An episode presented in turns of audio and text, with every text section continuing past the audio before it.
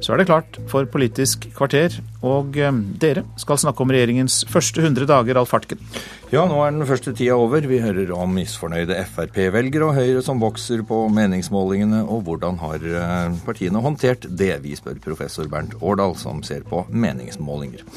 Og så setter regjeringen rekord i antall letetillatelser på norsk sokkel. Et klimapolitisk mageplask, mener SV.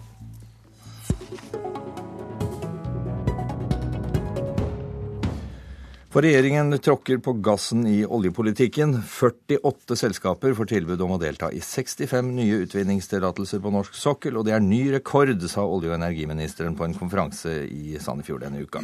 Det gleder regjeringen seg over, men eh, Snorre Valen, stortingsrepresentant for SV, dere kaller dette for et klimapolitisk mageplask. Hvorfor det? Ja, Det er fordi vi med dette gjør oss enda mer avhengig av olje. Eh, I valgkampen så var jo nesten alle partiene bekymra for det vi kaller todeling av økonomien. Altså at vi bruker veldig mye penger på å investere i olje. Eh, og det lider landindustrien vår under. Eh, det lider ny verdiskapning under, og det er klimapolitisk en veldig dårlig idé. Eh, så vi kunne tenke oss å bruke mer ressurser på andre ting enn å hente ut enda mer olje. Mm, ja, sikkert. Men uten å gå inn på alle de andre tingene, hvis vi holder oss til oljepolitikken, hva var alternativet? Nei, alternativene er jo, eh, er jo en, eh, en, ny og fornybar eh, framtid. Altså, vi har masse industri, masse verdiskapning i Norge som ikke er avhengig av olje. Og vi vet at to tredeler av olje og gassen som finnes i verden, må bli liggende under bakken hvis vi skal klare å nå verdens klimamål. Og Da er det ikke lurt å investere så mye av vår framtid i enda mer oljevirksomhet. Det er ikke sånn at Norge er det eneste landet som slipper unna å utvinne mindre olje. Nikolai Astrup, du sitter i energi- og miljøkomiteen på Stortinget for Høyre. Eh, klimapolitisk eh, mageplask, men eh, er det god oljepolitikk, som du ser det? Jeg syns det er veldig spesielt at den kritikken kommer fra et parti som har sittet i regjering de siste åtte årene. Og den regjeringen som satt, det er ingen annen regjering som har gitt så mange utvinningstillatelser som den rød-grønne gjorde. Når det er sagt, så mener jeg det er veldig fornuftig å, å gi en stor tildeling i denne runden. Eh, fordi vi er nødt til å finne eh, mye olje og gass dersom vi skal klare å opprettholde det produksjonsnivået vi har i dag. Vi vet at eh, oljeproduksjonen er halvert siden toppen for drøye ti år siden. Vi vet også at hvis Norge skal klare å opprettholde vår posisjon som stor gassleverandør til Europa, så må vi finne mer gass.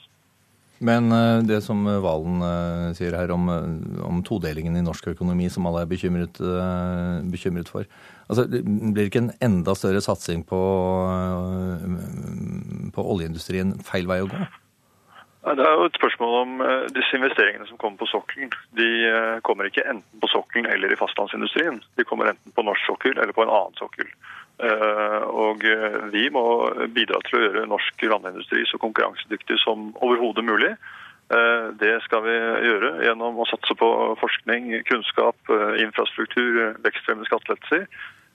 Men det står ikke i motsetning til at vi også skal ha et jevnt aktivitetsnivå på norsk sokkel. Vi vet at petroleumsnæringen står for vel en tredjedel av inntektene på statsbudsjettet, vel halvparten av landets eksportinntekter og sysselsetter vel 250 000 mennesker direkte og indirekte. Eh, og Derfor er det så viktig at vi klarer å opprettholde et jevnt aktivitetsnivå. Uh, Valen, et poeng som, uh, fra Astrup her. Altså, dere hadde jo den forrige rekorden. Ja, det stemmer det. Og det er jo fordi det, det, er bare vi, KrF og Venstre, som mener at vi for alvor må trekke i bremsa på utvinningstempoet. Det var det i forrige periode på Stortinget. Men det at det har vært et høyt utvinningstempo av olje i Norge, er jo ikke noe argument for å fortsette med det inn i evigheten. Det Nikolai Astrup sier, er at siden oljebransjen sysselsetter mange, og siden produksjonstempoet er høyt, så må vi fortsette med det. Men det er på tvers av både klimapolitiske realiteter og økonomiske realiteter. Det er ikke riktig som Astrup sier, at hvis vi investerer mindre på norsk sokkel, så har ikke det utslag for andre deler av verdiskapingen vår. Tvert imot så er det sånn at handlingsregelen legger begrensninger på hvor mye økonomisk aktivitet vi kan ha på fastlandet, men ikke på norsk sokkel. Og Derfor er det ekstra viktig at politikerne trekker i bremsa. Den viktigste uenigheten mellom oss og Høyre er jo nettopp det Astrup sa. Vi vil ikke at vi skal opprettholde samme produksjon inn i framtida. Det går ikke pga. de klimapolitiske forpliktelsene vi er nødt til å ta på oss. Astrup. Ja, og Produksjonen faller jo Så dette handler om å dempe det fallet. Og vi vet at med unntak av Sverdrup så finner vi færre, gjør vi færre funn, og de funnene vi gjør, de er mindre enn før. Det betyr at vi må ha et høyt trykk på letevirksomheten hvis vi skal klare å dempe det fallet som vi vet kommer. Så er også jeg selvsagt veldig opptatt av at vi må ha en offensiv klimapolitikk. Men det å ensidig redusere norsk petroleumstempo bidrar ikke til å gjøre verden grønnere, men det bidrar til å gjøre Norge fattigere. Eh, og det er nok olje og gass i verden til at vår, eh, vårt bortfall av produksjon vil erstattes av andre produsenter. Eh, og dermed så har det egentlig liten konsekvens for verdens klima om Norge eh, reduserer eh, vår produksjon. Og La oss også huske på at vi har en veldig energi eller en veldig, veldig klimavennlig oljeproduksjon sammenlignet med veldig mange andre land. Det er ikke nok olje og gass i verden, det er altfor mye olje og gass i verden. Og et av problemene våre, og en av grunnene til at vi ikke får til en god nok internasjonal klimaavtale, er jo fordi alle land sitter som Norge og sier at nei, alle andre må utvinne mindre olje og gass.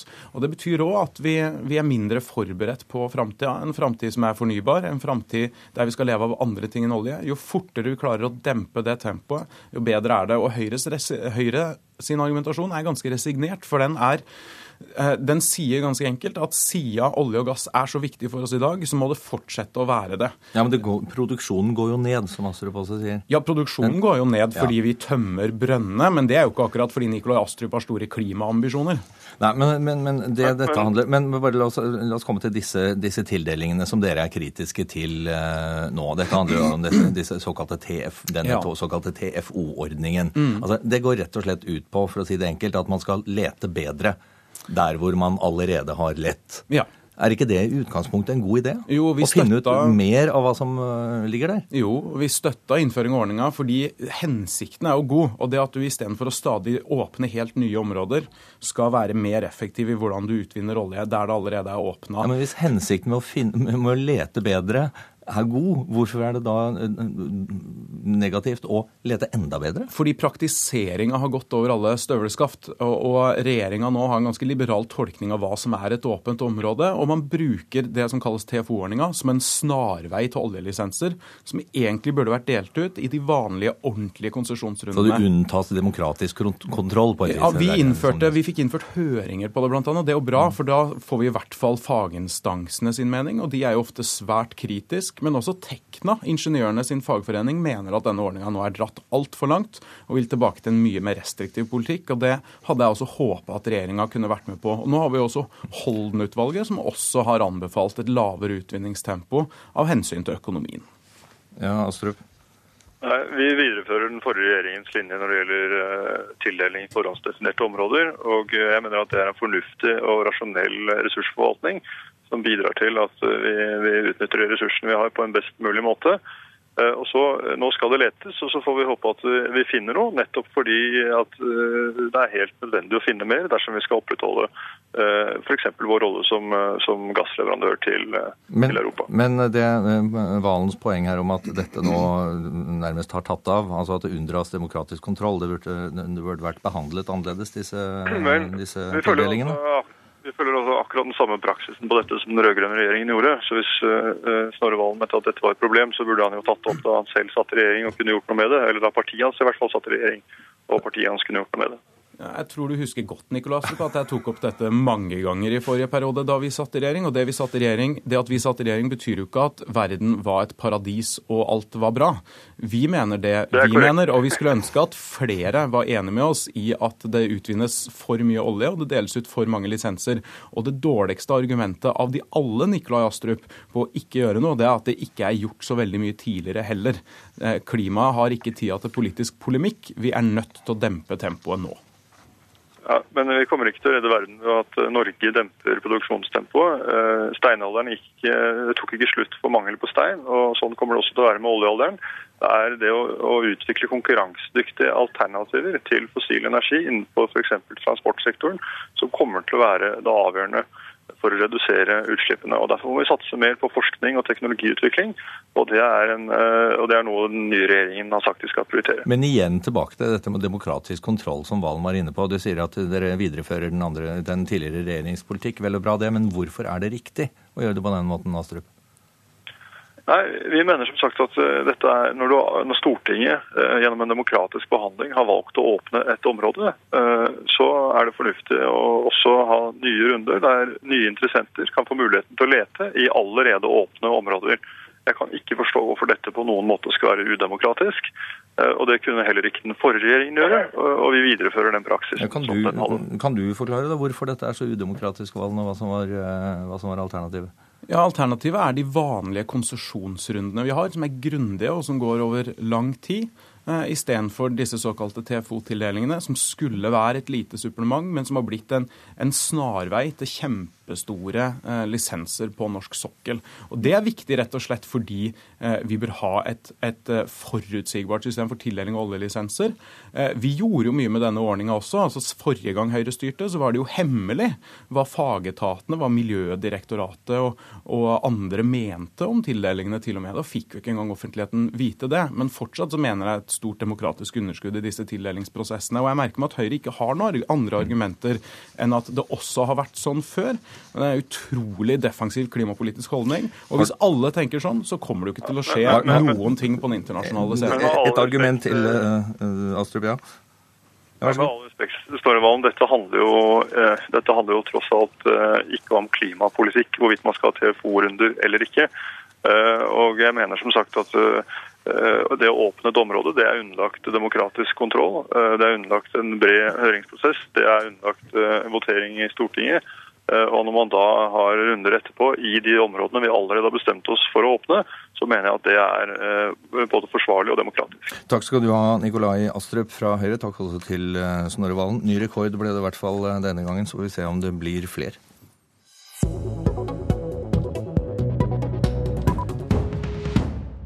I dag, I dag, har regjeringen sittet i 100 dager, og Høyres oppslutning har økt på bekostning av Frp de første månedene i regjering. Og som vi har hørt i nyhetene i dag, så bruker misfornøyde Frp-velgere partiets Facebook-side til å si sin hjertens mening om det de mener er blitt et tannløst parti etter at de gikk inn i regjering. Professor i statsvitenskap Bernt Årdal, du har sett på meningsmålingene over tid etter, etter valget. Det er jo ikke noe tvil om at Frp allerede merker utålmodigheten? Nei, og Det er jo først og fremst når vi ser på helhetsbildet. Det som er det interessante, er at vi ser på enkeltmålinger fra den ene måneden til den neste, så har det ligget innenfor feilmarginen for de aller fleste. Men hvis vi nå ser på totalen, på totalen og gjennomsnittet, så ser vi at det har falt bortimot en fire prosentpoeng siden, siden valget. Og det er det er ganske betydelig. Det. Da snakker vi om kanskje bortimot hver femte Frp-velger, og vel så det. Var dette si, forventet, eller er, det skiller seg jo litt fra situasjonen til SV f.eks., da de gikk inn og var i for så vidt samme situasjon? Ja, det, det er nok på mange måter som er det som forventet. Situasjonen når det gjaldt SV i 2005 var annerledes, for der ble man jo nesten halvert før valget. Eller valgresultatet lå da nesten på halvparten av oppslutningen fra månedene før. Eh, og så stabiliserte man seg på, på, rundt det nivået ganske lenge, og så har man hatt en sånn trappetrinnutvikling framover og, og nedover. Eh, men eh, det som gjør det spesielt for Fremskrittspartiet at vi har ventet dette, er jo at Fremskrittspartiet har vært det mest systemkritiske partiet i, i mange år. Eh, det har også vært det partiet som har samlet flest misfornøyde velgere.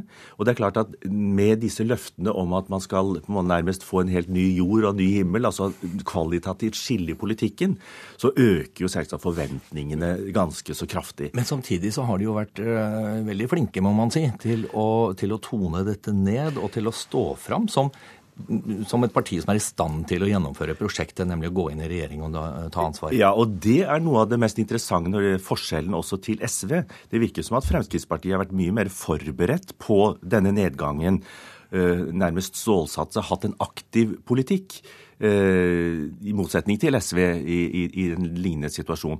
Og det vi ser er jo at Statsråden er veldig opptatt av å markere at man er i mindretall, man må liksom kompromisse osv. Mm. Med, med Høyre. Samtidig så feirer man sine seire og blåser de kraftig opp. Og Det er jo noe av det som vil være avgjørende for Fremskrittspartiets oppslutning framover også. Om de lykkes blant sine velgere til å få et sånt bilde av at, eh, av at, eh, jo, det går tross alt i riktig retning. Vi, får, vi har fått et hånd på rattet. Samtidig må de være et eh, tydelig alternativ til Høyre? Ja, og det er jo da noe av utfordringen å være et lite parti i en koalisjon. Og det er nærmest begynt å bli en, en naturlov at små partier som går i koalisjon med et større parti, taper til, til det partiet. Det gjorde SV til Arbeiderpartiet, og det gjør også nå Fremskrittspartiet til, til Høyre. Hva skal de gjøre for å unngå dette, da? Nei, det, det, er, det er jo 10 000 kroner spørsmålet. Det er vel noe det som partiorganisasjonen også er opptatt av. Det som jeg tror kan være ganske viktig, det er ikke bare altså Velgerne har man ikke så veldig mye kontroll over. Men det man har mer kontroll over i et parti, er jo sin egen partiorganisasjon. Og det er klart at Hvis det skulle på en måte bli en slags intern opposisjon som er der hele tiden, og som på en måte nører under misnøyen med resultatene og kanskje også er veldig utålmodige, så vil jo det gjøre dette enda vanskeligere. Og vi ser jo elementer, Tybring-Gjedde eh, osv., flere av de andre, som er veldig raskt på banen når, når, det er noe som man ikke liker. Takk skal du ha, Bernt Årdal. Det var Politisk kvarter. Jeg heter Alf Hartgen.